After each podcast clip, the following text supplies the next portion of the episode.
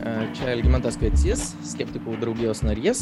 Ir šiandien turim dar vieną pokalbį. Šį kartą kalbėsime apie gyvūnų teisės ir apie gyvūnų teisų temą susijusias potėmes. Ir šiandien svečiuose yra Gabrielė Vaitkevičiūtė, organizacijos Tušti narvai vadovė. Labas. Sveiki. Ir manau, kad ji puikus, puikus pašnekovas susipažinti su šia tema mūsų auditorijai, kadangi Gabrielė dirba jau organizacijoje, jeigu neklystu, 8 metus ir jį, ją įkūrusi. Sužinosim, kiek jie prieš tai laiko šitoj temoje, apart šito 8 metų, tai manau, kad patirtis pas ją nelabai nemaža susikaupusi ir praktinė tokia dar patirtis, ne tik teorinė, tai bus įdomu sužinoti, kur tos gyvūnų teisės juda ir kaip jūsų organizacija tas teisės judina. Tai Gabrielė, aš iš karto atkreipiau dėmesį jūsų mm, Facebook profilio šitą coverį, kur iš karto yra, to, mhm. jūs cituojat žmonės, kurie e, turi tam tikrą aiškę nuomonę apie jūs, kas jūs tokia esat, kaip jūs atrodot, kaip išnekat ir kur yra jūsų vieta. Tai ar aš neklysiu, kad šita tema dažnai užtrigirina žmonės ir mm, ji vis dar yra tokia, sakykime, sukelianti stiprias emocijas, kai kalbam apie gyvūnų teisės. Ir aš teisingai suprantu. A, taip, ir gal tų žmonių, nežinau, gal jų ir mažėja, tų, kurias taip stipriai trigerina, bet vis dar tenka susidurti tada, kai jau trigerina, tai, jūs sakot, labai stiprias reakcijos. Jau nekartą aš buvau ir apšaukta Seimo koridoriuose net, nu, tikrai apšaukta, ne, ne šiaip. Tai, tai jo, manau, sukelia vis dar daugam tą idėją, kad gyvūnai gali uh, turėti teisės ar, ar kad jie gali būti saugomi, vis dar sukelia neigiamus jausmus. Apie tą tikrai išsiplėsim, o mm. man labai įdomu yra, mm, kaip jūs atėjote iki šitos temos, sakykime, iki tušių narvų mm. organizacijos, kas iš jūsų paskatino domėtis šią temą, galbūt kažkoks įvykis įvyko ar uh, ar galbūt mm. jūsų studijos, jeigu aš gerai suprantu, biochemiją jūs e, studijavot, ar gerai suprantu, -hmm. galbūt tai turėjo kažkokius tai. įvykius. Tiesiog papasakok, koks tas priešistorė kokia. -hmm.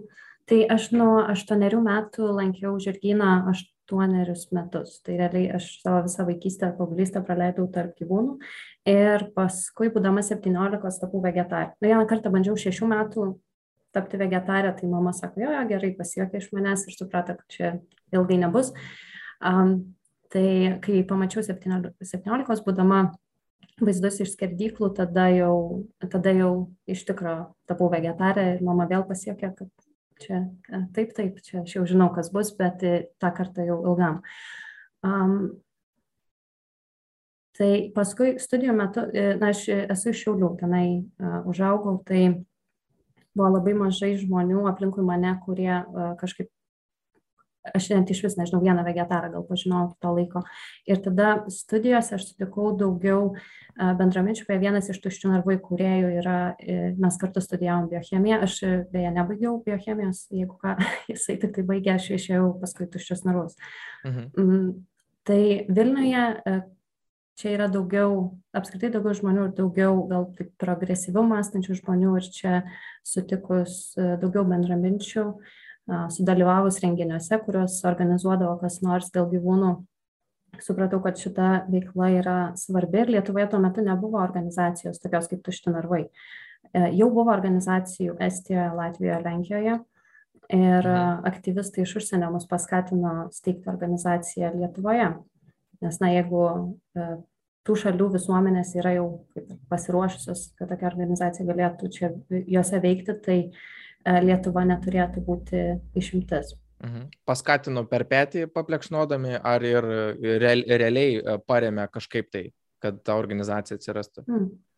Tai labai realiai ir Latvijos, ir Lenkijos kolegos buvo atvykę į Lietuvą ir ilgesnam laikui mus tiesiog apmokyti, darėm ilgus susitikimus, kur mums pasakojo apskritai viską, ką jie žinojo. Tai, tai tokia, ta pagalba labai reali ir jinai iki šių dienų tęsiasi, mes labai artimai bendradarbiaujam su na, ypač kaimininių šalių aktyvistais. Ar aš gerai girdžiu, kad tas impulsas pirmasis atkreipti dėmesį į, sakykime, į tam tikrą mm, į gyvūnų teisės, į gyvūnų kažkokį tai kankinimą arba, nusakykim, netinkamą sąlygą sulaikymo, nebuvo iš tokio matematinio išskaičiavimo, verčiant statistinius tyrimus ir žiūrint, kaip čia reikėtų sumažinti mėsos valgymą, pavyzdžiui, nes čia daugiau reikia ten augalų užauginti, ten, kad mhm. pamaitintum gyvūnus ir panašiai. Tai buvo daugiau emocinis mhm. kažkoks, tai sakykime, impulsas, kuris, kuris kažkokį šoką davė, po kurio jūs nusprendėt, kad reikia imtis kažkokių asmeninių ir po to jau kažkokių pilietinių veiksmų. Ar aš gerai mhm. suprantu? Mhm. Taip kaip paklausė dabar net Aišku, pirmiausia, tarkim, pa, pamačius, kaip yra gyvūnai laikomi fermos arba žudomi skerdyklose, tai tas emocinis šokas yra labai stiprus. Ir tada, bent jau ką aš matau, dažnai kaip žmonės tai reaguoja, tai vieni eina ieškoti informacijos, kuri jiem pateisintų tolimesnį gyvenimą, tai, na, lik apsimesiu, kad nesužinau, arba kad ir aš sužinau, bet ai, tai čia Lietuvoje taip nėra. Arba, nu, jie randa informaciją, kuri galėtų a, pateisinti jų tai, kad jie nieko nekeis. Mhm. Arba eina ieškoti informacijos, kaip a, pakeisti a, savo kažkokius pasirinkimus. Tai, a, tai tas stiprus emocinis šokas, jisai priverčia tada pasidomėti. Ir, o jūs, e, tada... aš, aš kal, e, klausiu grinai asmeniškai mhm. jūsų, ne bendrai mes apie bendrinius mhm. dalykus. Man įdomu, kaip uh, nu, kaip jums tas, tas pokytis, ta prasme, ar, ar jūs apie tai pastoviai galvodavot ir tik tais tas, sakykime, kažkoks tai nutikimas pakeitė tokia jau, sugriežtino tą poziciją, sakykime, angažavo, ar, ar tai buvo kažkoks tai uh, nuosaikus įėjimas link ten. Tai aš, aš kaip girdžiu, kad tai buvo mhm. tam tikras, nu, kaip sakyti, įvykis, galima taip sakyti, kuris, kuris, kuris padarė tą pokytį. Ar gerai suprantu? įvykis. Um, tai,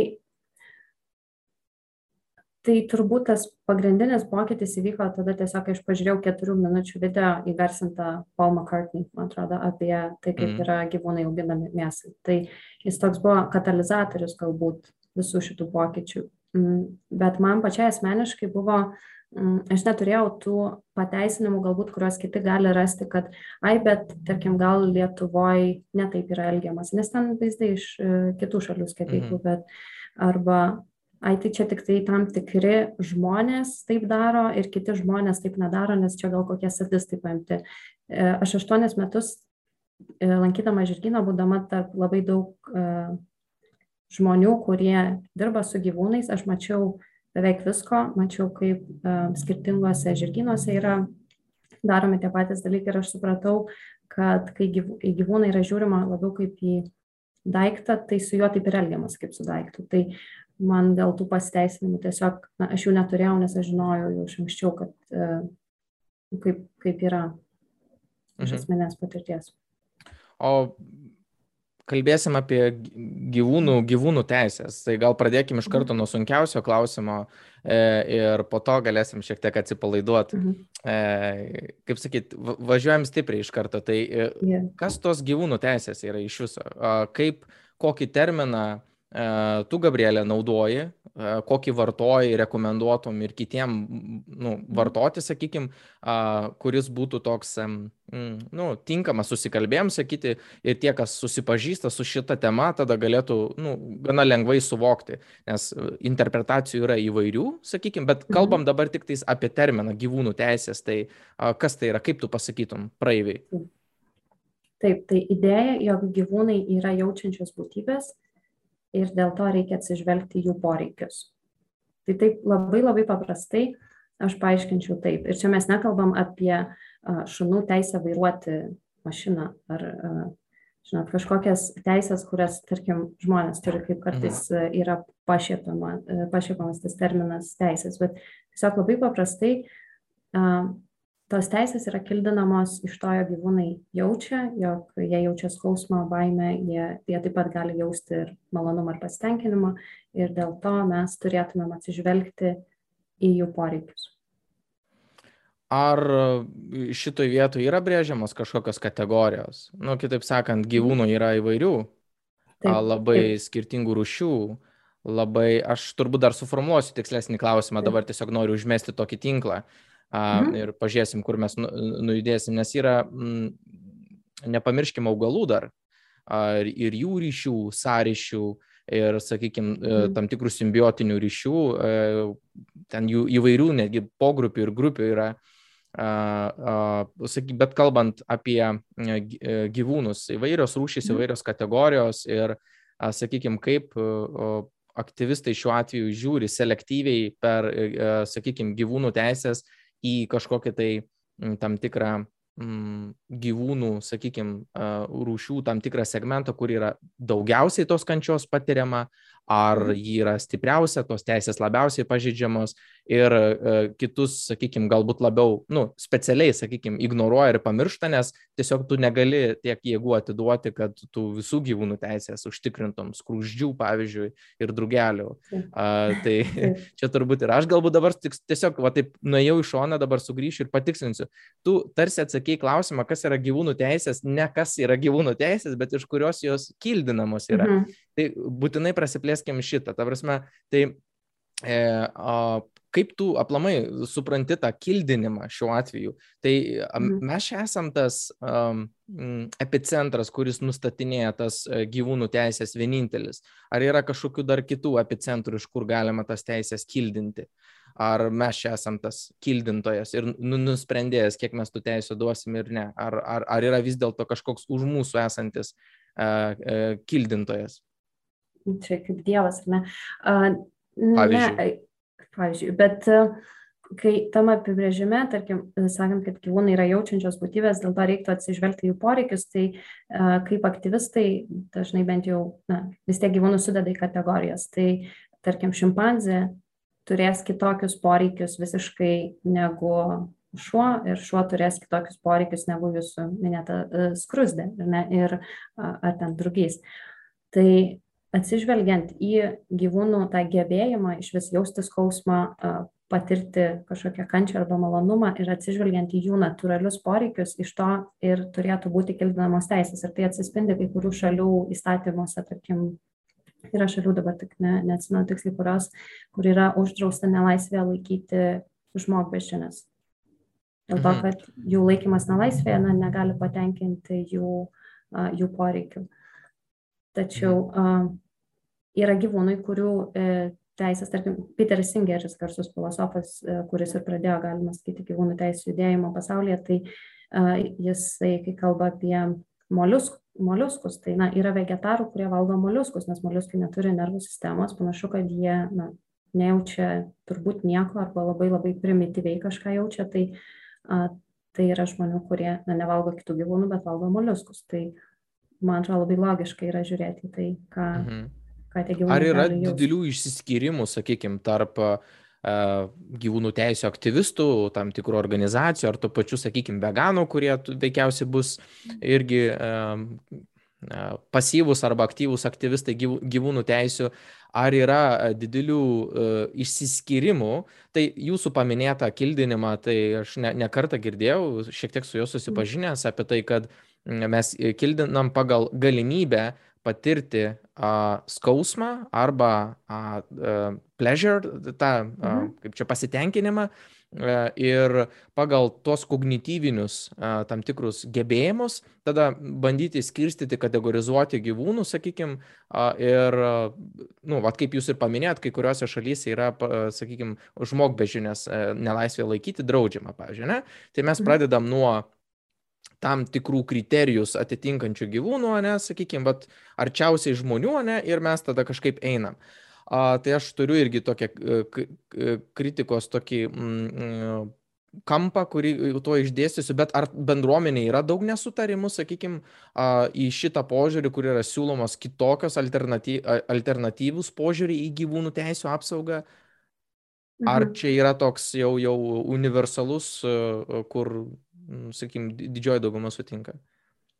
Mhm. Aš sakyčiau, kad e, nesutarimų tikrai yra ir jūs minėt veganus ir yra veganų, kurie labai uh, griežtai žiūri į, mm, nenaudoja absoliučiai nieko, kas yra iš gyvūnų, net jeigu tai yra kažkoks e, produktas, kurį vabzdys besiporuodamas išskiria ir paskui nuskrenda ir tas vabzdys ten daro, ką nori toliau ir tą produktą galima surinkti ir jį maisto pramonę naudoti, tai tarkim yra veganų, kurie jau e, vengs to ir yra tada žmonių, kurie sakys, nu koks čia skirtumas, čia niekas absoliučiai nebuvo sužalotas ir niekam nuo to blogiau. Tai tų išsiskirimų yra, galbūt, nežinau, jūs čia gal dar užduosit klausimą, bet aktyvizme yra labai daug praktikos ir ta teorija, gerai būti teoriškai visur teisingam, bet jeigu tu nori pasiekti pokyčių, tu negali jų pasiekti visur visiems ir, ir labai greitai. Tai, na, tarkim, renkantis yra e, vienas, viena organizacija, kuri būtent kovoja už primatų teisės ir, ir jie eina į teismus ir bando na, įtikinti tam tikrus teisėjus, kad nebūtų galima žmogvežimį laikyti nelaisvėje ir jie koncentruojasi į tai dėl to, kad e, na, nuo kažko pradėti reikia. Ir galbūt, kai jie uh, suteiks tam tikrą statusą žmogvežiniams, kad nebe, jų nebebus galima laikyti nelaisvę ir kitaip išnaudoti, galbūt tada jie uh, perės prie delfinų ar banginių, nes tai irgi yra gyvūnai, kurie yra labai labai protingi ir, ir uh, turbūt patiria žymiai daugiau kančios nelaisvėje negu galbūt dauguma kitų gyvūnų tai tiesiog e, atrodo iš praktinės pusės kyla tas kad na reikia dirbti ties viena problema. Jeigu nori ją išspręsti ir tada kuo jinai mažesnė tuo didesnė tikimybė kad tau ją pavyks išspręsti. Nebūtinai dėl to kad patys aktyvistai kurie tai daro galvoja kad kiti gyvūnai nenusipelno būti ginami. Supratau o sakykim yra tam tikra nu formuojame, sakykime, tokią e, kritiką į būtent tą gebėjimą e, jausti, patirti, sakykime, tą, tą pasaulį, e, kalbant apie tam tikrų gyvūnų gebėjimus, kurie yra žymiai labiau išvystyti negu žmonių. Tam tikri gyvūnai geriau mato, turi tam tikrus receptorius, kurie, sakykime, visiškai kitaip gali užčiopti tą tą realybę, tą pasaulį, kuris yra aplink mus. Ir ar negali būti taip, kad mes kriterijus nustatom labai tokius savanaudiškus ir kitaip sakant, tam tikrais atvejais mes hierarchijoje būtent tų teisių suteikimu turėtume būti labai labai žemai ir turėtumėm apriboti savo e, teisės e, kitų e, gyvų organizmų gerovė užtikrinti žymiai hierarchiškai aukščiau negu, negu mes patys. Ar, ar nemanot, kad tie kriterijai, kuriuos mes bandom dabar įsivesti, yra labai tokie savanaudiški ir ar jie, ar jie tinkami yra iš tikrųjų? Na taip, aišku, kad jie ateina tik iš mūsų suvokimo ir perspektyvos ir, man atrodo, Neil deGrasse Tyson yra gerai pasakęs viename interviu, kad kai mes e, priskiriam kažkokį tai protingumo ar suvokimo lygį gyvūnui ir tada darom daugiau tyrimų su to gyvūnu, mes matom, kad, ai, iš tikrųjų jis daugiau supranta, jis yra protingesnis. Ir taip atsitinka beveik visada su beveik bet kokiu gyvūnu, su kuriuo yra daromi tyrimai, su tom pačiom žuvim. Um, jos yra žymiai protingesnės negu galvota e, daugelį metų anksčiau, jos turi ir gerą atmintį mhm. ir e, bendrauja viena su kita. Tai Aš gal turėjau, tas... patikslinsiu klausimą, aš turiu mhm. omeny, kad pavyzdžiui, a, tam tikras gyvūnas, kuris galbūt, e, galbūt mes iš viso kriterijus nusistatom netinkamai, turiu omeny, kad a, ta hierarchija, tam tikras mhm. gyvūnas turintis, tam, nu, sakykime, regėjimo tinklainę, ko, kokia labai išvystyta, kurioje yra labai daug receptorių, mhm. gali patirti žymiai didesnį skausmą, negu žmogus gali patirti nu, kaip pavyzdys. Ir ar, ar tada mes ne, nu, nenusistatom tų, tų kriterijų e, taip labai e, e, aklai ir visada pakiždami, nes visada gaunasi, kad mhm. vis tiek žmogus tarsi turėtų būti aukščiau tų uh, gyvūnų, nu, ta prasme, mes vis tiek išimti mhm. pasiliekam savo. Ne, tai aišku. Čia geras klausimas, aš apie tai ne, nebuvau pagalvojus. Uh, ir greičiausiai reikės žymiai daugiau tyrimų, kad tai būtų, na, e, kad mūsų suvokimas pakankamai išsiplėstų, kad mes galėtume net na, suprasti, jog e, yra kitoks būdas patirti pasaulį ir galbūt tas būdas yra, na, labiau reikėtų saugoti tų gyvūnų gebėjimą taip patirti pasaulį, nes jis, nežinau, suteikia jam labai daug malonumo arba mes sukeliam labai daug skausmo. Bet vėlgi, man atrodo, visai, mm, na bent jau aš pati pritariu tokia idėja, kad reikia vertinti per kančios prizmę ir tada tik tai, kaip jūs sakot, klausimas, kaip nustatyti, kas iš tikrųjų kenčia daugiausiai. Ir taip mes darom pagal žmonės, nes mes tai geriausiai suprantam ir turbūt yra lengviau žmonėms na, tapatinti save su žinduoliais, su didžiaisiais žinduoliais. Tai vėlgi nuo kažkur pradėti reikia, kada bus apie vabzdžių teisės kalbama, aš nežinau. A, aš kiek šitą temą do, do, domėjausi, tai um, atrodo, kad uh, tas uh, veidrodinis tam tikras efektas, kai tu uh, vat, būtent pagal savo kriterijus uh, matuodamas ir tarsi prieini prie tos išvados, kad uh, tie jausmai, sakykime, jeigu į tas dvi kategorijas patirti malonumą ir skausmą, gali būti panašus ir kitame organizme, sakykime, biologiškai galbūt, jeigu taip iš viso galima mm. tokią irgi kategoriją taikyti primityvesnėme, sakykime, organizme, tai turbūt čia ir yra vienas iš tokių raktų, kur mes, nu, jeigu mes matom kitą kenčiantį žmogų, tai uh, yra vienas dalykas, bet į, įžvelgti uh, panašius procesus, sakykime, tų dviejų spektrų uh, poterių, uh, įžvelgti uh, E, gyvūnė ypatingai, kuris yra nežinduolis, sakykime, dažnu atveju yra labai, labai sudėtinga šitą laiptelį e, pereiti. O jūs kiek šitą temą domėjotės, ar, ar manot, kad tai yra gana, ar, ar tai yra svarbus aspektas būtent e, patirti tą tam, tam tikrą tokį veidrodžio efektą? Mhm. Jo, man, man būtų įdomiausia suprasti, nes kiek na, iš praktinės pusės, tai kaip uh, padaryti, jog žmonėms rūpėtų tie gyvūnai, kurie nėra į juos panašus. Na, nes mes galim perskaityti mokslinį straipsnį, bet mums tai nieko, na, iš esmės reikia e, logiškai mąstyti ir tai galima suprasti, bet kol mes nepajaučiam, kad tas gyvūnas yra panašus į mus, tai a, tai būtų labai gerai, jeigu mes galėtumėm tai padaryti, bet aš ne, nežinau, ko, ko reikės, kad Nežinau, ar aš jūsų klausimą atsakau dabar. Taip, galbūt ne, galbūt būtent tas mhm. momentas pamačius fermoje kenčiantį gyvūną mhm. ir supratus, kad jis patiria panašius jausmus, kuriuos aš galėčiau patirti, nemažai ir nu, turi įtakos būtent. Tai mes dar apie šitą mm, mhm. klausimą, būtent to veidrodžio efekto, galbūt, kurį aš dabar jau quote unquote pavadinau. Mhm. Išradau terminą ale, e, tai galėsim dar pakalbėti. E, kol dar e, nenukrypom toliau į tokius gilesnius klausimus, galbūt irgi gal šiek tiek papasakokit apie pačios organizacijos e, veiklą ir tas, nu, sakykime, kertinės veiklos rytis, e, kuriuose jūs operuojat ir savo veiklą vykdot, būtų, būtų mhm. įdomu sužinoti.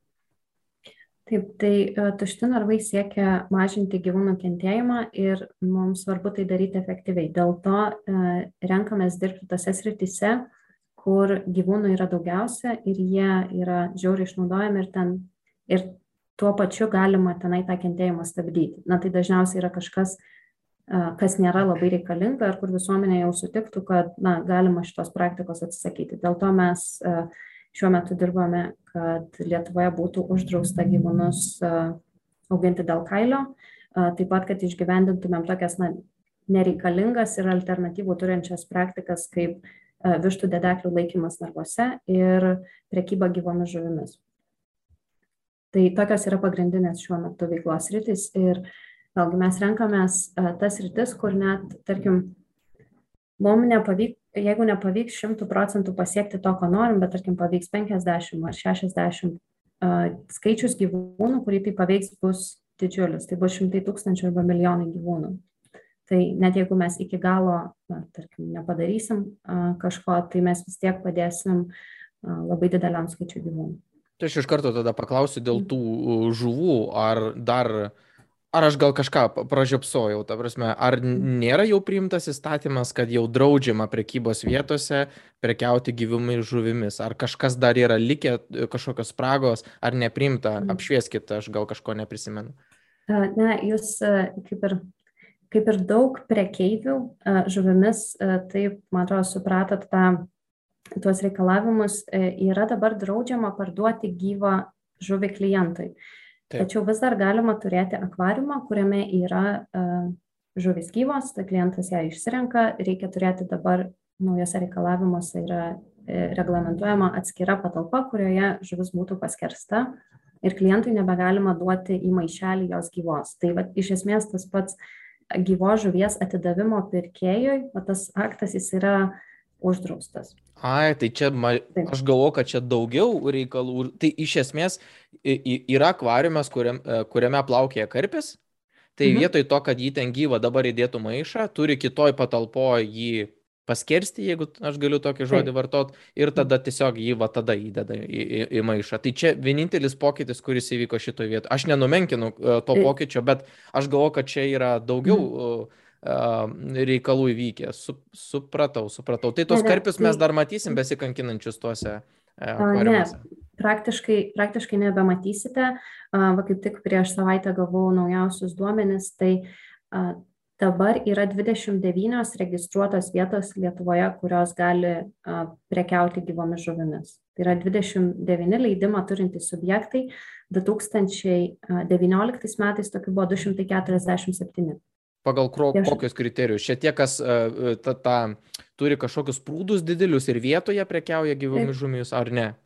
Ne, tai gali būti ir tokie ūkiai, bet dažniausiai dabar tai yra turgavietis, tiesiog turguje kažkoks arba akvariumas, arba netgi anksčiau prekyba būdo iš mikriukų, nu, tiesiog mikriukų bagažinės atidaromos iš ten prekiaujimo. Tai, tai iš esmės vis tiek prekybos beveik neliko ir pamatyti jau bus labai sunku, jūs turėsite važiuoti na, nors toli ir, ir ieškoti. O tai koks tas kriterijus, aš taip ir nesupratau, koks nustatytas. Tai maksimui nebebus, bet bus kažkur kitur. Mhm. Tai koks tas kriterijus yra likęs? Mhm.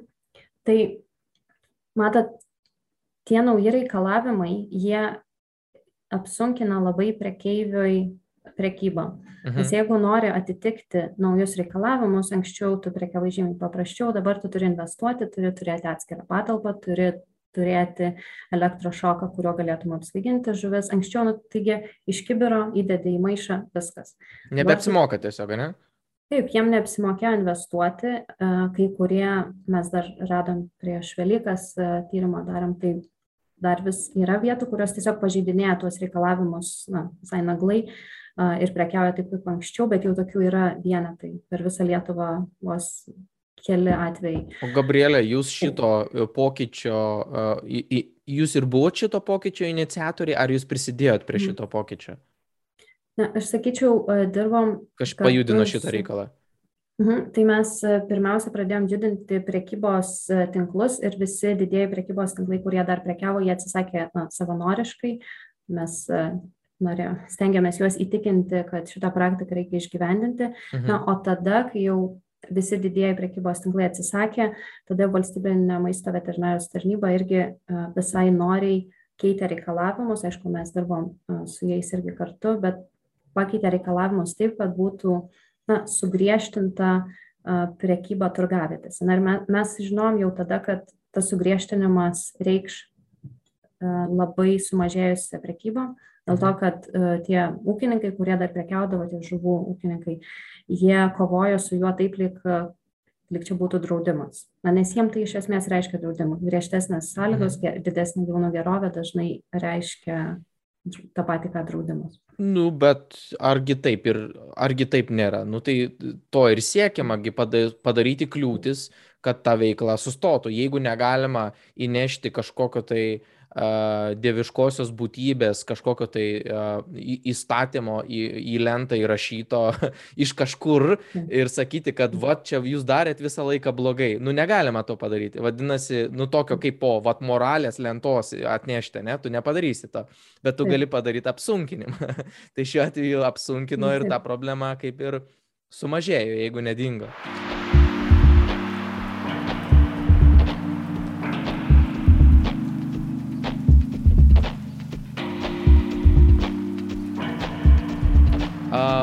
Tai jūs minėjot kitą, kitą tokią dalį veiklos, tai būtent kailinių žvėrelių fermos, ne? Ir siekis, mhm. uh, kad kailiniai iš viso nebūtų gyvūnai uh, auginami dėl kailio, taip? Taip. O, nu, kaip ir kaip ir atrodo viskas, kaip ir, kaip ir skamba. E, turbūt čia dėl e, dar koronos tam tikro mutacijų ir protrukių kailinių žvėrelių fermose, turbūt dar šitas klausimas mm. šiek tiek angažuojasi ir skamba, atrodo tarsi keiščiau šitą, bet e, kur, kur ok, ok, gerai, nu sakykime, mažiau žvėrelių kentės, mažiau žvėrelių kentės.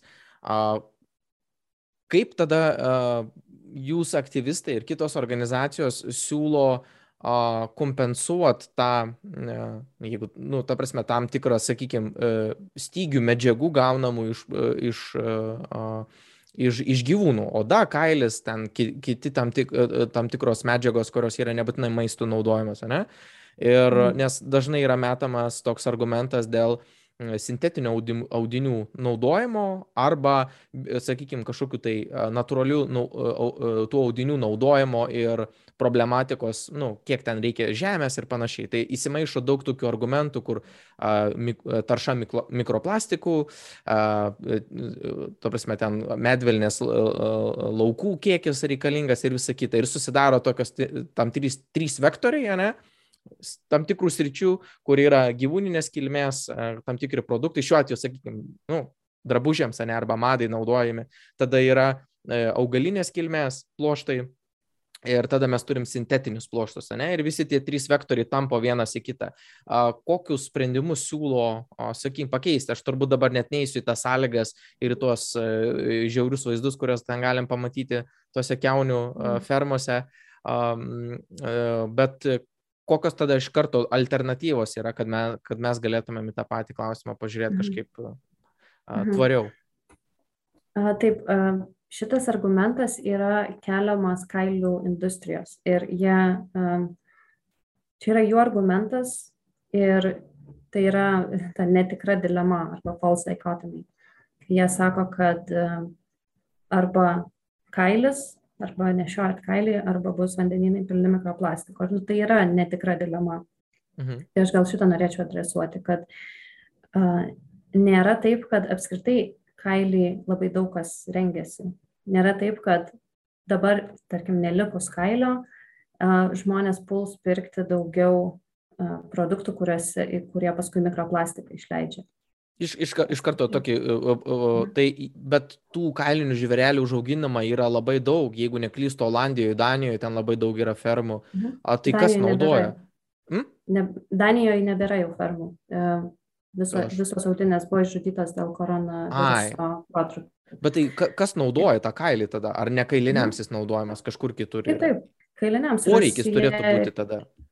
Taip, tai e, Rusija ir Kinija yra didžiausi pirkėjai kailio ir kadangi dėl pastarų įvykių keletą metų beveik ir jie nebeperka, tai iš esmės atrodo, panašu, kad šiuo metu beveik niekas kailio nenaudoja, nes jo beveik nebeparduodama aukcionuose, bet mhm. staptelkim. Mhm. Tai jūs turite omeny, kad o, dėl, dėl koronos, sakykime, ne, situacijos, dėl sutrikusių grandinių tiekimo ir panašiai, sakykime, ta tokia tam tikra ir tiekimo krizių, visiškai praktiškai sustojęs yra kailių pirkimas ir naudojimas, e, e, ta prasme, labai stipriai kritęs, taip? Taip, paskutinius duomenis, kiek žiūrėjau iš vieno aukciono, nes yra keli, kelios vietos pasaulyje, kur apskritai visi pirkėjai suvažiuoja pirkti kailio, mhm. tai buvo berots apie 13 gal procentų, ar na, iki 20 procentų uh, tiktai pasiūlos nupirkta. Tai realiai visa kita liko nenupirkta. Ir taip jau tęsiasi visai ilgai, kad jie neparduoda visko, ką pagamina. Gamyba yra labai sumažėjusi, ypač kai Danijoje, Danija maždaug pusę visų Europoje auginamų audinių užaugindavo. Ir... Aš ir prisimenu, kad ten buvo mhm. labai, labai, labai dideli kiekiai auginami, atrodo. Taip, mhm. taip, bet uh, iš esmės, na, žiūrėkit, kailis yra apskritai prabangos produktas kuris net nėra labai daugelio įperkamas ar daugelio perkamas. Jis e, taip rusijo rusijos ir kinijos e, pirkėjai jį perka bet tai kad mes uždrausim kailių fermas ne nelygu kad dabar vandenyne atsiras daugiau mikroplastiko. Ir tai yra argumentas kurį pasiema kailių industrija kuriai absoliučiai nerūpi tarša nes jie teršia žymiai labiau e, negu didelė dalis kitų industrijų kurios gamina drabužius ir jie jį naudoja tik tada, kai jie nori pasakyti, nežiūrėkite į mus, žiūrėkite ten. Nu, čia tas, e, žinot, propagandos, e, naudojamas metodas. Žiūrėkit, ten blogai, nieko, nelieskit mūsų, nes ten bus vėžliui blogai, bet jiem vėžlys nerūpi, kaip ir jiem tos audinės nerūpi. Ir aš girdžiu, kad viena iš veiklos krypčių bus nereikalinga tuo. Gabrielė, o patikslinkit, kur, kokios priežastys yra būtent e, to kailio paklausos sumažėjime? Ar čia tos grandinės yra, ar, ar tas gyvūnas patapo toks moraliai purvinas, kažkoks ir atmestinas? E, kokios priežastys, kad to kailio ne, nebereikia? Mhm. Tai e, priežasčių yra keletas ir aš nežinau, kiek kiekviena iš jų svorio turi procentaliai, bet viena priežastis, dėl ko jau daug daug laiko mažėja tas kailio vartojimas, yra, kad didžiausi, žinomiausi pasaulio dizaineriai atsisakė kailio. Na tai nebėra jau lygis turėti ant savo podiumo kailį. Tai ir Armani, Gucci, Versace, Dolce Gabbana, vardinkit, kokius norit garsiausius, greičiausiai mhm. jie jau kailio nebenaudoja, na tai vėlgi buvo dėl ilgamečio darbo organizacijų, kurios dirbo dėl gyvūnų. Tada kita priežastis, tai prasidėjus pandemijai, iš Kinijos pirkėjai nebegalėjo atvykti į aukcionus, dar kai net Lietuvoje, tarkim, Europoje nebuvo nei karantino, nieko, bet jau aukcionai, kurie vyksta e, Helsinkije ir Kopenhagoje, jau jie e, nebeturėjo pirkėjų, ar gal ten iš vis buvo atšaukti, kitus darė, paskui jie darė online būdu kailio aukcionus, bet na, tai nėra produktas, kurį uh, gali pirkti online, gerai neapžiūrėjęs ir gerai nepačiupinėjęs. Tai mm. uh, kita priežastis, dėl ko jau dar prieš pandemiją jau pirko mažiau, tai buvo vėlgi uh, Kinijos sukeltas gal toks uh, burbulas, jie uh, keletą metų išėlės, čia dar maždaug 2013-2014, jie pirko kailį už dvigubai didesnę kainą, negu kad jis turėtų kainuoti. Tai reiškia, jie už kailiuką kuris kainuoja gal 35 eurus, mokėjo 70 eurų, taip sukėlė, tai padarė, kad daugiau žmonių atėjo į šitą verslą, daugiau tie, kurie jau buvo, pradėjo auginti daugiau gyvūnų, nes visi norėjo uždirbti, mhm. reikia auginti daugiau, jeigu gali parduoti už tai brangiai. Ir buvo sukeltas toks perteklius kailio. Ir, ir taip jie turi daug prisipirkę dabar Kinijoje, sandėliuose labai daug kailio yra tiesiog laikoma ir jis bus galės, jie galės jį panaudoti ateityje. Taip pat yra prigaminta produktų, vėlgi čia kalbant apie Kiniją, visokių kailinių ir, ir kitų dalykų, kurie dar nėra išparduoti, mhm. nors jau pagaminti seniai. Tai tiesiog buvo taip gal dirbtinai tas padaryta. Ar galima tikėtis, kad ta, ta paklausa šiek tiek atšoks atgal? Nu, ta prasme, ji tikrai nebus veikiausiai į, e, kaž, atšoks į atgalinį lygį tam tikrą, galbūt žemesnį. Mhm. Ar tai tuo mhm. pačiu galėtų ir paskatinti tam tikrus Lietuvos verslus pake, nu, pakeisti savo kažkokį tai, sakykime, verslo kryptį arba atsisakyti verslo, gal kažkas bankrutuos, mhm. ar yra kažkokių indikacijų, kad Lietuvoje verslai užsidarinėtų mhm. arba e, išeidinėtų ar keistų kryptis? Taip, taip, indikacijų yra, kad jie užsidarinėja tų ūkių, kai skelbdavo dar prieš keletą metų būdavo, jie sakydavo, kad 150 ūkių yra, mhm. dabar jau sako 60 aktyvių ar ten 70 aktyvių ūkių. Mes žinom, kad kai kurie ūkiai bankrutuoja, mes ten iš jų ir nusiperkam dalykus renginiam. Tai Tai, tai kaip jūs sakėt, aš gal nežinau, ar tiksliai ten atsakiau, kad ta paklausa buvo sukelta e, didelė 2013-2014, bet paskui jinai krito. Ir jinai krito stabiliai ir ilgai ir, ir kaip tik industrija tikėjus gal labiau, kad jinai grįž, kad na, susireguliuos čia ta rinka, mhm. vėl pradės už normalią kainą pirkti normalius kiekius, o ne už e, dvigubą, trigubą kainą ir daugybę. Bet jie kiekvienais metais sako, kad nu jau tikimės šiais jau bus geriau ir kaip neteina tas geriau, taip neteina. Mhm. Tai dabar yra visam pasauliu sumažėję, kiek bent jau, kiek galima pasitikėti duomenimis iš Kinijos, niekas nežino, tačiau tuo, kas yra skelbiama, tai uh, Kinijoje yra sumažėjęs gyvūnų auginimas kailiui, Europoje yra sumažėjęs gyvūnų auginimas kailiui, tai iš esmės uh, na, ta industrija jau jinai tokia atsitraukianti. Mhm. O, o sakykime, jeigu kalbėsim apie tą trečią galbūt veiklą, kuri turbūt, mhm. nu, jeigu neklystų, daugiausiai yra su sparnuočiais, e, susijęs su, su vištom turbūt didžiaja dalimi, mhm. galbūt plačiau šitą klausimą išplėsiu, kokios tada yra galbūt tos mm, besivystančios grėsmės, ne? Ir kur, kur galbūt yra tam tikras regresas gyvūnų teisų, sakykime, srityje, kur tam tikras galbūt kiekybinė prasme arba laikymo sąlygų prasme yra kaip tik situacija blogėjanti. Ar yra tokių sričių, ar iš, iš principo visur tam tikras progresas yra? Mhm. Galbūt apie Lietuvą kalbant, tai mhm. situacija yra gerėjanti vištų dedeklių šitam sektoriuje ir gerėjanti pakankamai, na, lyginant gal su kitomis šalimis visai greitai.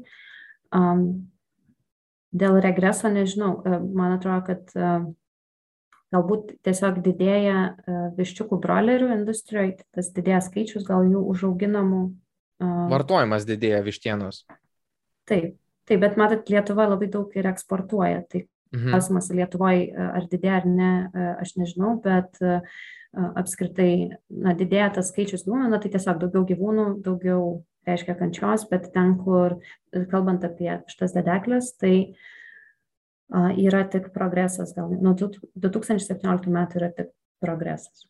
Tai ar aš e, mhm. gerai suprantu, kad jūsų vienas iš siekių yra padaryti tokį aišku, e, negaliu sakyti nedidelį, turbūt vištai mhm. nemažas e, žingsnelis, yra tokį aišku e, e, pokytį, kad vištos būtų laikomas ne narvuose, o būtų palaidos. Taip. Tai čia būtent vienas toks, aš jeigu gerai suprantu, kaip ir sakėt, mhm. paprastus žingsnius, aiškius labai padaryti link gyvūnų gerovės. Tai Koks plotas grindų yra skirtumas, jeigu taip vidutiniškai, kuriame gyvena višta garde ir kiek jai reikia to, to ploto, mhm. kai jį laisvai laksto? Ar esat kažkokia, mhm. nu, tarsi, kad, kad mhm. susivokti iš, iš tikrųjų, kur jau yra tas, sakykime, tas gerbuvio pokytis šiuo atveju? Taip. Uh, jo. Taip, tai vištai narve tenka maždaug tiek ploto, kiek užima A4 formato lapas. Na tai jeigu esate matę vištą ar net laikę, tai įsivaizduojat, kad turbūt ją patubdžius ant A4 formato lapo, nu tai va viskas. Nei jinai sparnus gali išskleisti, nei jinai ten pasivaikščiot gali. Aišku, reikia suprasti, kad tas narvas jisai yra, na, didokas, jis yra kelių kvadratinių metrų ploto, tai jame gali būti apie 80 vištų ir jos visą laiką trinasi viena į kitą. Dėl to mes ir matom tos vaizdus, kaip vištos yra be plunksnų narvuose, nu, nes jos tos plunksnos nusitrynė arba į narvą, arba į, į kitas vištas.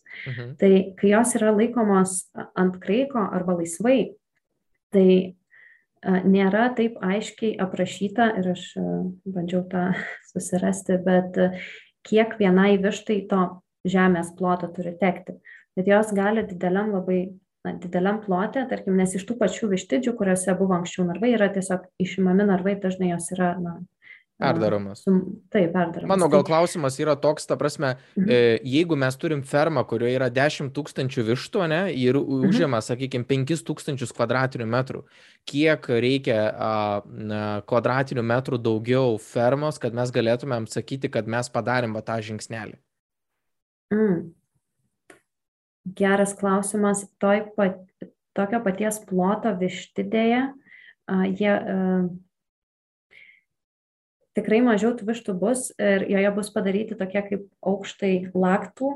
Mhm. Tai irgi tam, na, ten. Tai čia kraikas tas vadinamas? Plotas. Taip. Aha taip nu yra keli būdai ant kraiko laikyti tai gali būti ir visiškai lygios e, grindys ir ten be be tų papildomų aukštų bet tiesiog būna tokie aukštai padaryti kur irgi jos dar gali vaikščioti ir užšokti aukščiau mhm. a, ūkininkai sako kad jiem kainuoja dvidešim procentų daugiau a, pagaminti kiaušinį ne iš narvo negu kad iš narvo bet koks tiksliai plotas matot vienai vištai tenka ant kraiko sistemoje tiesiog negalim atsakyti, nes tokio skaičiaus. Ne. Nu, aš įsivaizduoju, čia tai nu, specialiai užduodu tokį klausimą, mhm. kad, matot, jeigu mhm. paimsim šitą temą, ne, yra ta, tas mhm. pokyčio klausimas, ne?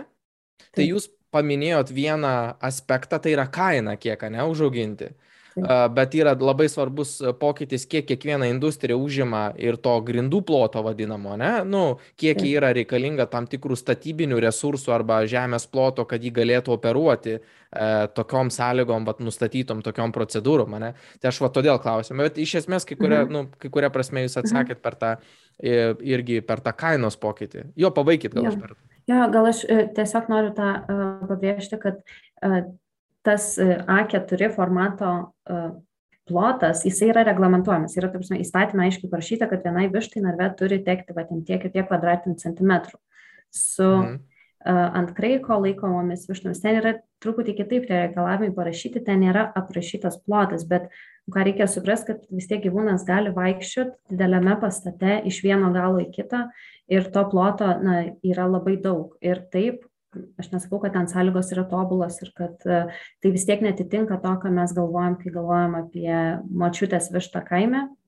Jinai nelakstys laukia ir nematys saulės ir žolės, bet tai yra pagal uh, tam tikrus objektyvius jau gyvūnų gerovės uh, kriterijus vertinant, atliekant tyrimus, gyvūnų gerovės atžvilgių tai yra geresnės sąlygos gyvūnų. Ten jisai gali daugiau savo poreikių patenkinti. Kaip Jūs manot, ar turi teisę paukštynas reklamuoti uh, vištienos produktus, uh, filmuodamas, sakykime, kažkokią reklamą arba darydamas nuotraukas ar vizualizacijas ir pateikdamas, uh, uh, pažiūrėjau, vištas belakstančias, belakstančias pievoje ir, ir kirminus traukiančias iš, iš žolės? Ar turi teisę uh, taip reklamuoti uh, savo uh, auginamas viš, vištas, kai jos yra, pavyzdžiui, narvuose auginamas? Oi tai manau kad neturėtų turėti tokios teisės bet žinot su reklama kas nėra uždrausta tą tą galima daryti ir daug yra labai reklamų pavyzdžių, kai yra, žinot, laiminga, ne taip seniai mačiau, ledus iš laimingų karvių pieno. Ir aš parašiau tai e, gamyklai ir paklausiau, kaip jie žino, nu, pagal kokius kriterijus jie remiasi, kad užtikrintų, kad tos karvės laimingos, kaip jie žino. Kaip tą laimę tas... vertina, ne? Apklausą kažkokią gal daro karvė. Taip, ir tada, žinot, pienas, taigi jis yra surinkamas dažnai iš, tarkim, mažesnių ūkininkų ir iš labai daug skirtingų ūkių, į vieną tą didelę fūrą yra supilamas pienas ir dabar, jeigu pas vieną buvo laiminga, pas kitą nebuvo laiminga ta karvė, tai kaip aš valgydama ledus. Vidutiniškai tai, laimingas tada. Vidutiniškai. Ten tai ten man jie kažką atsakė, kad uh, tik iš patvirtintų ūkių, nu, bet, žinot, daug reklamoje naudojama yra mhm. tokių dalykų, kurie... Aš nu, patikslinsiu gal vėlgi klausimą, ar yra kažkoks precedentas būtent susijęs su, va, su tokiu atveju, prie kurio jūs būtumėt prisidėję e, ir, mhm. sakykime, va, informavę kažkokias institucijas konkrečiai, kad čia yra mhm. vartotojų klaidinimas. Nes, nu, o, ar galima e, Nu, čia tas pats kaip agu, agurka irgi e, e, šiltnamiai iš e, kažkokio tai kubelio užauginta, iš mineralų kubelio užauginta agurka, reklamuoti kaip, sakykime, pas babutę užauginta, kad babutė bučiavo tą agurką ir ten viskas užaugo labai gražiai ir, ir, ir viskas gerai. Ar esat kažkada, nu, šitą temą domėjus ir gal prisidėję prie, sakykime, tam tikros vat, kritikos gal reklamos? Ne, mes tik esam, čia truputį temą, gal ne visai, su kiaušinių žymėjimu kartais būna klaidinimas, nes ant pakuotės yra vartojami terminai, kurie apibrėžia įstatymuose tam tikras sąlygas, o viduje kiaušinis yra iš netokių sąlygų. Tai vėlgi, kai yra naudojami terminai, kurie yra kažkaip apibrėžiami ar tos pačios valstybinės maisto veterinarijos tarnybos arba ES, tai tada jeigu tu jau dedi produktą e, mhm. ir rašai taip, tai jisai turi atitikti tą terminą. Bet jeigu tai... nu, susigalvoji pats kažkokį savo naują mhm. marketingo terminą, tai... Jūs, tu, jūs turite omeny, čia kai yra, pavyzdžiui, ant dėžutės parašyta, kad ant kraiko, o viduje yra narvuose, apie tokią situaciją ar, ar apie taip. kitokio pobūdžio klaidinimą? Taip, arba kai ant dėžutės parašyta laisvai laikomų, o e, viduje yra ant kraiko laikomų, tai va, apie mhm. tokius.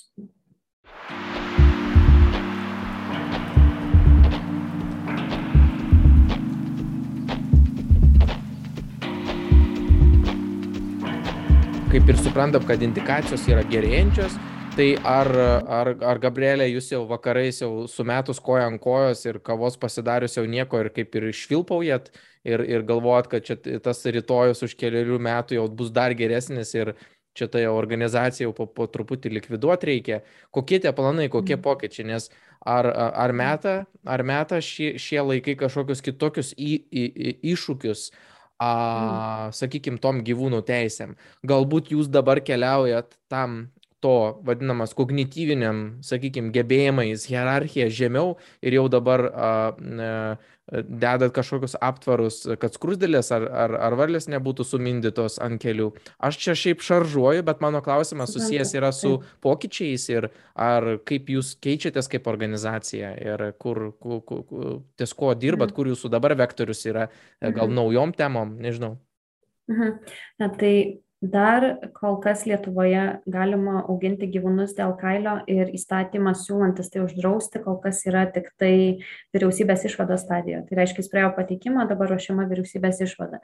Dar yra daug būdų kaip jisai gali nepraeiti ir mes e, darysim viską kad tai neatsitiktų. Na kol dirbsim tol kol bus uh, tie ūkiai uždrausti lietuvoje. Tada Aš pasitikslinti noriu, kad mes ne, mhm. neprabėgtame gyvūnus dėl kailio. Tai reiškia ta, ta situacija, kai gyvūnas nužudomas dėl kailio, ar avis, kuriai kerpama Vilna, yra iš šitoj kategorijoje ar ne? O ne, avis nėra. Ten e, tikslus apibrėžimas, aš dabar gal taip jums nepacituosiu, bet esmė yra tokia, kad dėl pirminės naudos iš gyvūno kailio. Jeigu tai yra, tarkim, na, visi gyvūnai skerdyklose, kurie yra mėsai skerdžiami, taigi jų irgi yra oda ar kailis paskui naudojami. Tai čia tokių gyvūnų neliečia. E, tai liečia Lietuvoje tik dvi rūšis. Tai yra kanadinės audinės ir šinčilos. Nes tai yra vieninteliai gyvūnai, kurie Lietuvoje yra auginami dėl naudos iš jų kailio. Ir tai šinčilų e, kai kurie ūkiai dabar jau jas e, augina kaip augintinius, na, pardavimui kaip, e, kaip naminį gyvūną. Mhm. Tai tas ir keičia tada... savo veiklą, ne, iš bando kažkaip mhm. kompensuoti mhm. pardavimu gyvūnų vietoj kailių. Ar aš gerai suprantu? Na taip, ir galbūt net yra taip jiem uh, ir daugiau, daugiau uždirbti gali, gal taip labiau apsimoka. Mhm. Uh, nes iš to kailio tai dabar ten nieko ne, daug neuždirbsi. E, atsiprašau, įsiterpiau, tai apie tos pokyčius organizacijoje ir sakykim, kas jums dabar rūpi. Tai šitas e, klausimas kailinių žvėrelių, tada na, su priekyba gyvomis žuvimis, tai čia jau beveik kaip ir užbaigta, dar, e, kaip minėjau, 29 vietos tik Lietuvoje tai iš vis daro, tai, bet manau, reikia pabaigti iki galo. Tada su vištom dedeklėm irgi situacija yra tokia, kad dabar Lietuvoje naujausiais duomenimis šių metų 600 tūkstančių vištų nebėra laikomos narvuose, bet vis dar 2 milijonai su trupučiu vis dar narvuose. Tai vėlgi čia dar yra ką veikti.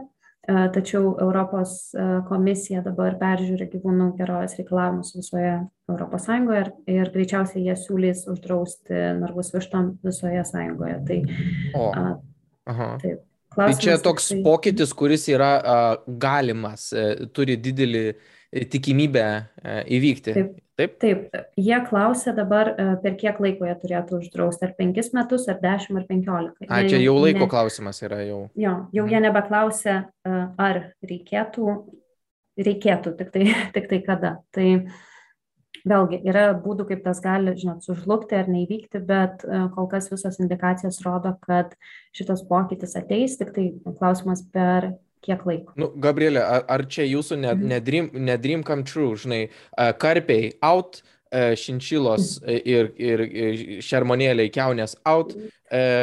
ir vištos, vištos ant kraiko laksto vietoj, vietoj, vietoj narvo. Nu tai visi mhm. pagrindiniai tikslai įgyvendinti. Kas, ne, kas, tai, kas naujo? Tai va, tai toliau, kas yra toliau, jūs klausėt. Tai uh, yra dar sričių, kurios, na jau mes matom, kad vakarų Europoje ar tarkim kitose vakarų šalyse jau yra judama link e, geresnės gerovės tam, tikr, tam tikriems gyvūnams ir dar Lietuvoje nelabai kas padaryta, na, mes, žinot, irgi visko e, nespėjom, bet tai bus ateinantys, nežinau, penki metai ar dešimt metų, aš manau, matysime didesnį fokusą į viščiukus broilerius, nes jų yra daugiausia tiesiog užauginama, tai yra ant žemės, uh, numeris vienas gyvūnas, kuris yra ant žemės auginamas pagal skaičių. Mhm. Daugiau turbūt žmonės tik tai žuvų suvartoja, bet, na, žinot, žuvis pagaunama nu, jinai dažnai yra pagaunama laisvėje prieš tai augusi. Tai nėra tos kančios tiek daug. Tai Kitas rytis, kur, manau, irgi mes turbūt matysime pokyčius greitai, bus gyvūnų transportavimas ilgais atstumais. Gyvūnai dabar gali būti vežami, tarkim, iš Lietuvos į Izraelį fūromis kelių dienų kelionėse per 30 laipsnių ir didesnį karštį. Gali būti transportuojami laivais savaitės sugrūsti irgi dideliame karštyje. Mhm. Kai labai paprasta būtų tiesiog transportuoti mėsą.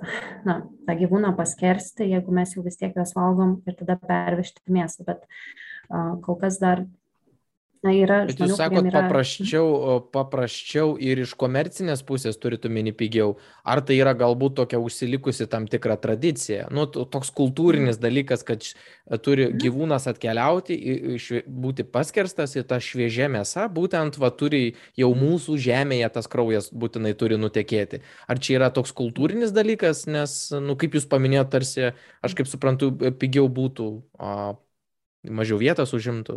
Ten... Taip, taip. Ir, ir kai gyvūnai transportuojami, dar reikia nepamiršti, kad dalis jų ir miršta, tai uh, vėlgi mažiau praradimų. Bet čia yra iš dalies, uh, man atrodo, čia yra labiau komercinis dalykas negu kultūrinis, nes, uh, na kaip, uh, komercinis iš tos pusės, kad jeigu tu atsiveži veršiuką iš Lietuvos į Izraelį ir paauginai dar dvi savaitės Izraelyje, tu gali klyjuoti etiketę Made in Israel. Ir mokėti, prašyti žmonių, kad žymiai daugiau mokėtų už tai, kad čia made in Israel, negu kad būtų made in Lithuania ir tada būtų ta kaina, na, jinai būtų tiesiog kitokia. Yra tai, įprasta praktika? Kad iš Lietuvos į nu, trečiasias šalis per, perleiblinti uh, gyvūnus į kitos kilmės, ar kaip čia pasakyti. Ja, tai, bet jisai, galima sakyti, kad jisai buvo Izraelija, nes jis buvo augintas ten kažkiek laiko. Tai čia, čia kur čia apgavystė? Nu, taip, taip, taip, ten kaip ir su Himalajų druska. Uh, tai aš kaip suprantu, tai tiesiog uh, tos pačios sąlygos, kuriuose uh, esti tie mūsų vartojami gyvūnai, o tos sąlygos gali kas be ko gerėti. Tai tiek tas mhm. tolimesnis laikymas, sakykime, tų pačių vištų dedeklių arba e, brolerių, transportavimas ir kiti aspektai. E, aš labai kažkaip prie tai e, neišgirdau nie karto, ar čia yra ne, ne jūsų organizacijos fokusas apie kanopinius gyvūnus. O mm. kokia ten situacija? Kažkaip nekartų jūs nepaminėjot, negi ten viskas taip jau rožiam klota yra? Oi, ne, e, tiesiog, matot, jų yra žymiai mažiau. Tarkim, e, keulių ir karvių kartu sudėjus Lietuvoje yra turbūt panašiai kiek kanadinių audinių. Nu, čia turimais duomenimis. Tai iš esmės mes e, daugiau užauginam tų gyvūnų kailiams negu kad keulių ir karvių ten vis tiek, na, su karvėm dar yra taip truputį galbūt geriau, kai kuriuose upėse didelė dalis e, karvių jos tiesiog dalį savo gyvenimo praleidžia pievose, laisvai vaikščiodamas, na, jeigu auginamos mėsai, tai, tai vėlgi to kentėjimo galbūt nėra tiek, kiek kitose vietose. Vėlgi, aš nenoriu daryti labai didelių generalizacijų, nes na, yra visokiausių ūkių ir, ir visai tie gyvūnai yra laikomi. Su keulėmis yra irgi daug labai gerovės problemų. Na, jūs turbūt žinote, kad keulės yra vieni iš pačių protingiausių gyvūnų, bent jau tais duomenimis, kuriuos dabar turim, jos yra protingesnės negu šunys.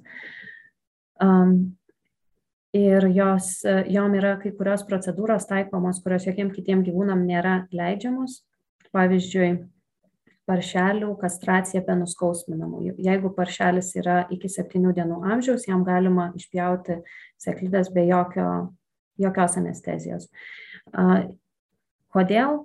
Visiems kitiems gyvūnam tai yra draudžiama. Šuniui to padaryti negalima. Ką tai to padaryti, jūs tai padaręs galite gauti net ir kalėjime sėdėti, bet paršeliui galima, dėl to, kad taip mėsos industrijai na, tiesiog yra pigiau tai čia irgi yra e, daug vietos e, pagerinti sąlygas ar bent jau pačias tas žiauriausias praktikas išgyvendinti.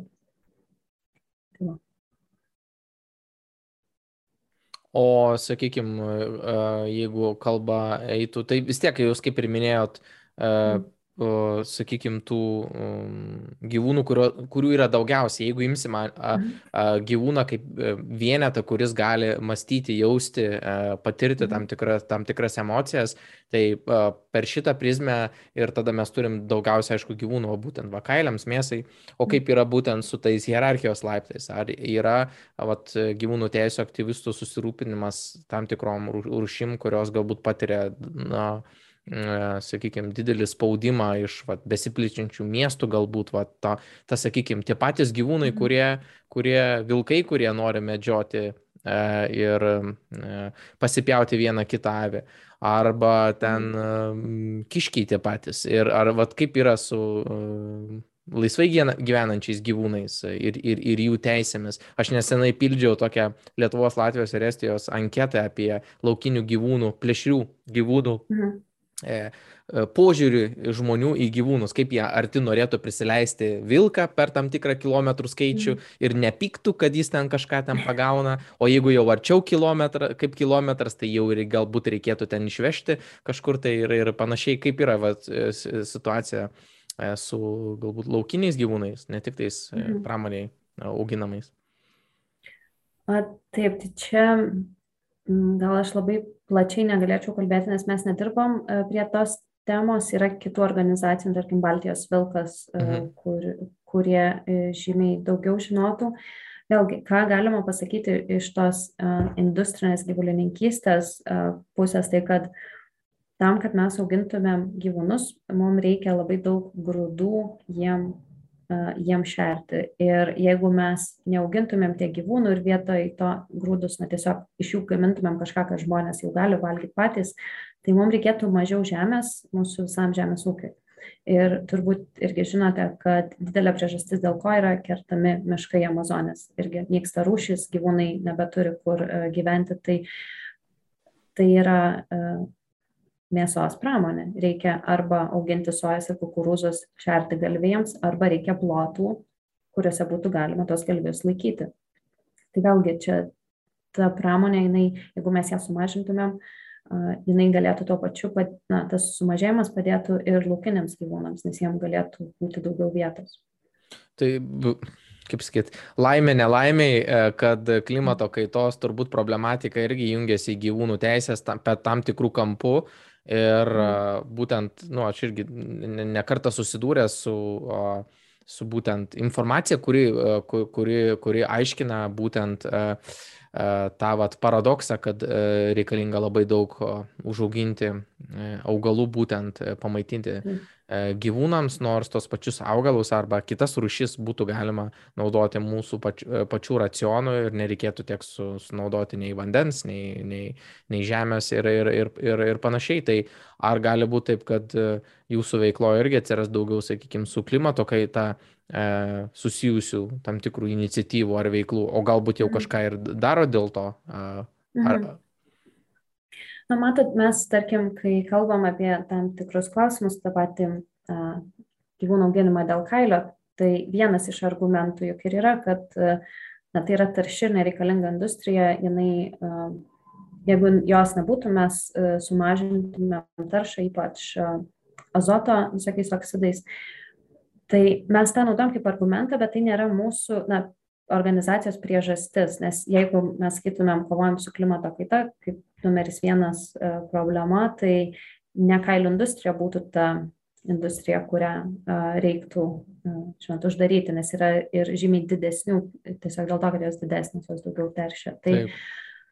tai jeigu tas aplinkosauginis argumentas yra, tai aišku, kad mes jį naudojam taip pat kaip ir kitus argumentus, kurie galbūt tiesiogiai nėra susijęs su organizacijos veikla.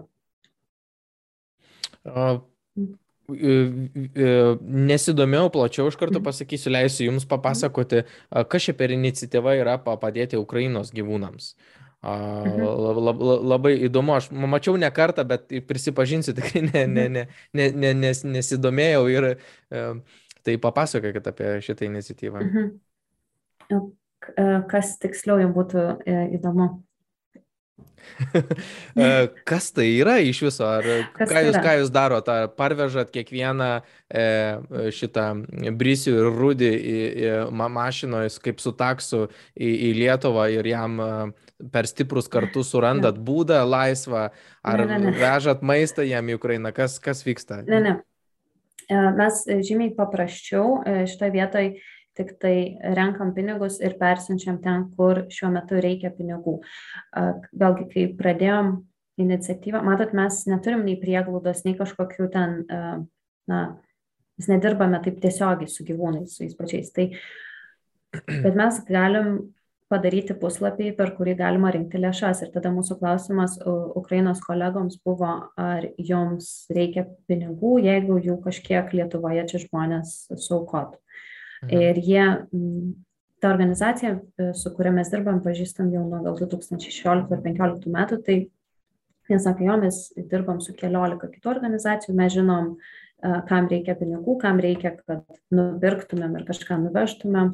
Ir tiesiog taip mes ir bendradarbiaujam, jie padaro viską jau Ukrainoje, taip on the mhm. ground, jie perka ir maistą, ir priemonės, tarkim, statybinės medžiagas, nes buvo vienas rezervatas laukinių gyvūnų, kuriame buvo rizika, kad tos gyvūnus užbombarduos saugomas rūšis, tai jie tiesiog turėjo pastatyti, na, kaip aptvarus, kaip shelters, kur tos gyvūnus galėtų į vieną vietą saugot. Tai, tai va, tai ta organizacija, jinai arba nuperka tai, ką reikia, arba perveda pinigų tiem, kas yra patikimi ir kas dirba su gyvūnais, tai tiesiog e, mes taip paprasčiau pažiūrėjom patys į Ukrainą, žinot, ne, mhm. nevažiavom. Nu, tai gal ir geriausia iš tikrųjų o, tiesiog aukoti tam tikrom organizacijom, kurios žino tą, ką daro, o ne bandyti sukurti tam tikras naujas procedūras ir galvoti, kad mm. tu per kažkokius tai kitus logistinius, procedūrinius ar finansinius kelius padarysi geriau negu kas išmano visą tą situaciją uh, tiesiogiai, turbūt čia net ir, ir geresnis kelias yra. Bet vat mes mm. paminim va tos naminius gyvūnus, ne? A. Tai vat, vat man toks įdomus aspektas, galbūt vat, pasidalinsit savo išvalgomis kokios tos priežastys yra, kad a, mes esam taip nutolę nuo, sakykime, tos a, gyvūnų kančios, a, ypatingai vat, fermose auginamų gyvūnų, a, kai mes a, neretas namie turim a, gyvūną, kuris galbūt netgi vat, kažkokiam mhm. kognityviniam savo a, kognityviniais gebėjimais netgi gal nusileidžia taip pačiai, sakykime, keulėje, ne? O kur čia šaknis yra? Ar dėl to, kad mes galbūt, nu, aš čia tokias prezumcijas pateiksiu, jūs patikslinsit, gal domėjotės, ar čia dėl to, kad mes e, labai su mažu kiekiu rūšių gyvename. Nu, mes pastoviai nu, komunikuojam ir interakcijas turim su katėm, su šunim, dar su keliom rūšim pastoviai, ne? Ir, ir nematom tų kitų rūšių pastoviai. Ar tai yra dėl uh, a, to atstumo tam tikro tokio sukūrimo, nu kad aš nematau kiekvieną dieną, kaip yra skerdžiama mano kieme e, tam mhm. gyvūnai. Tas darbas, man to darbo nereikia atlikti. Tas darbas yra perkeltas kitų e, rankoms. Aš mhm. neturiu susidurti. Kur čia tos problemos yra, kad mes negalim patirti, čia mes, nu, iš esmės mes kultūriškai didžioji dalis žmonių, nu, kaip ir būtų prieš ne, gyvūnų, prieš žiaurų elgesį su gyvūnais. Ir tu jeigu paklaustum žmonių, turbūt didžioji dauguma sakytų, kad nu, negalima elgtis žiauriai su gyvūnais. Bet kai mums patiems nereikia nieko skersti, ir prieš tai dar pusę metų ar ten kelis mėnesius laikyti ma mažam narve ir matyti, kaip kankinasi tas gyvūnas, Nu, tai kaip ir, kaip ir nieko tada atsiranda, va, kaip sakot, visi tie argumentai. Kur čia šaknis yra tame ir, ir mes jau kaip ir gal užčiapiam tą tam tikrą gal kokį sprendimą, bet vat, mm. pabandykit, pabandykit um, mhm. palaboruoti.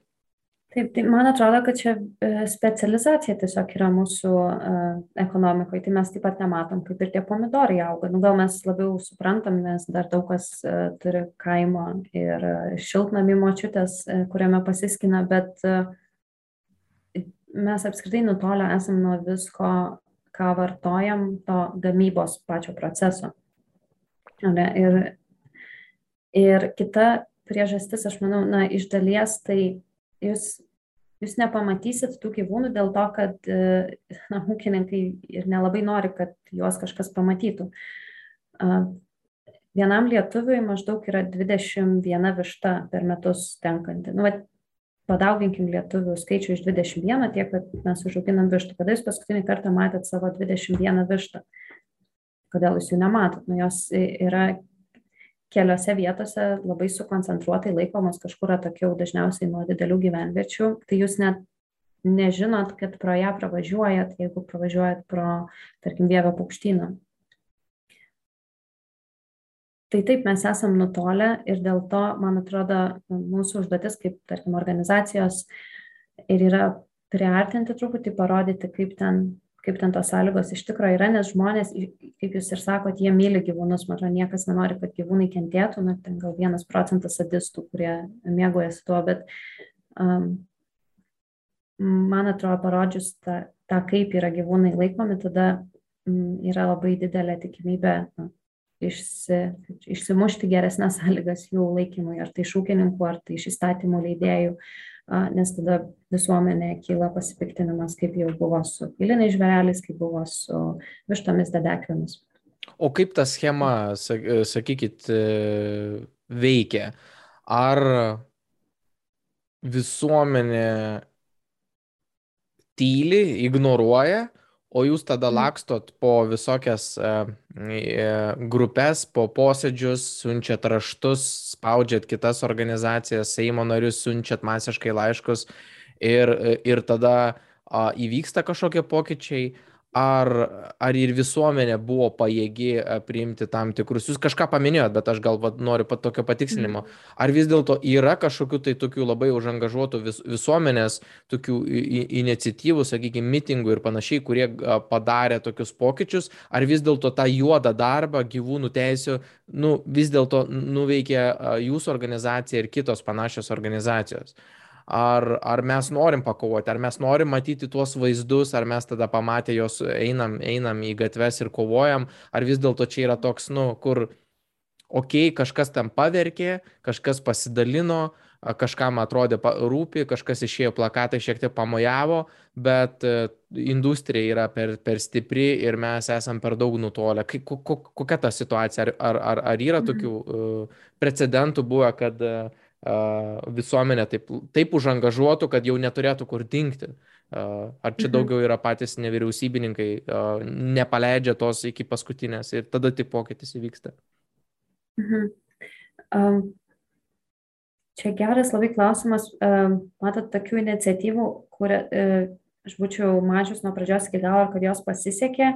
Um, tai dažniausiai būna po kažkokio skandalo nebent ir tada pokytis būna labai nedidelis ir kol vis, na, iš pradžių, žinot, dažnai visuomenė skandalas, visiems rūpi, įvyksta koks nors renginys ar protestas ar kažkas ir tada taip ramiai tai ir numiršta, nes visi liktai pamiršta ir šitoje vietoje būtinai ir reikia nevyriausybinio organizacijų, kad jos spaustų toliau politikus ir galėtų vėl sukelti, na, tarkim, jeigu reikia priminti savo, savo auditorijom, kad vis dar ta problema yra. Šiaip iš mūsų patirties, tai žmonėms rūpi tiek, kad jie ateis, jeigu bus protestas, jeigu bus eitynės už gyvūnus. Kai mes darėme eitynės už gyvūnus, tai buvo gal apie tūkstantį žmonių, abu du kartus, skirtingais metais darėm. Nežinau, kiek dabar ateitų, jeigu darytumėm, bet dėl COVID labai ilgai nieko neteko tokio didesnio daryti. Tai man atrodo visuomenei rūpi tiesiog mes turime protingai organizuoti ir gerai panaudoti tą žmonių dėmesį ir rūpinimąsi kritiniais momentais. Nes jeigu mes kaip organizacijos siūlom eiti žmonėm ir eiti ir eiti į renginius ir jie mato, kad niekas dėl to nesikeičia, niekas nevyksta dėl to, kad jie atėjo, tai tada irgi klausimas jiems, o kodėl aš čia turiu eiti. Bet kai jeigu mes strategiškai viską darom ir po vieno renginio įvyksta pokytis, ir galbūt tai nėra didelis pokytis, galbūt tai yra tik tai vien, vienu žingsniu įstatymas pajuda Seime. Bet tada kitą kartą, taip, kai mes kviesim, kad dar vienu žingsniu pajudėtų, žmonės atsimins, kad jų dalyvavimas prisidėjo. Tai man atrodo, čia ne, aš, žinot, ne, ne visuomenę kaltinčiau, o dažniausiai pačius nevyriausybininkus, dėl to, kad nestrategiškai daro. Ir mes patys, aš taip galiu sakyti, dėl to, mes patys labai daug tokių esame nesąmonių padarę, kur na, tarsi išnau, na, pasinaudojam to, kad žmonėms labai rūpia, juos sukviečiam kažkur patys, gal tiksliai nežinom, ko čia mes norime, ko mes čia pasieksim. Ir jo, pabuvom, visiems smagu, visiems faina, bet pokyčių paskui nėra. Nes nėra ilgesnio tokio plano, nėra strateginio matymo. E, Gabrielė, tai aš turbūt pritarčiau, kad dažnai reikalingas kažkoks tai neįlinis įvykis, kuris galėtų pakeisti. Ir dažniausiai taip ir būna. Ir švietime kažkas ten uh, nu, nepabajosiu to, to pasakyti, kažkas nusižudyti turi, ta prasme, ten nuo kalantos iki, iki, iki kažkokio šeimos daktaro, kažkas vis tiek turi nusižudyti, kad, kad po, po kažkoks tai pokytis įvyktų. Tai, bet aš to nesiūlau daryti, bet tada paklausiu, jūs paminėjot žodį skandalas.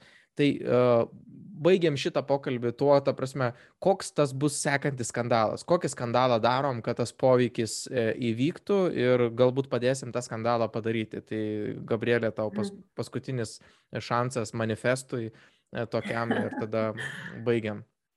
Matot, jeigu aš pasakyčiau, koks bus kitas skandalas, tai jau nebebus skandalas tada, kai tai išeis. Ir ja, dar turim keletą skandalų čia užantyje. Tai... Ai, jūs turit pluoštą paruošę. E, ne, tem. tai žinot, e, su šita tema, e, su gyvūnų apsaugos tema nėra taip sudėtinga.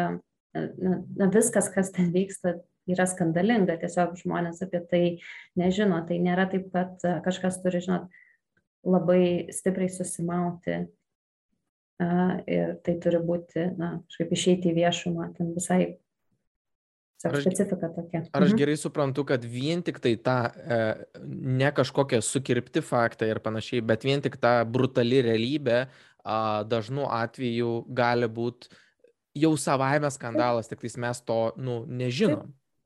Taip, taip, taip. Tai taip, taip dažniausiai ir būna tai uh, palinkėsiu, palinkėsiu tada tos ir žiūrovams daugiau susipažinti su tą brutalią realybę, galbūt ir mes prisidėsim prie, prie didesnio pokyčio. Ačiū tau, Gabrielė. Mm.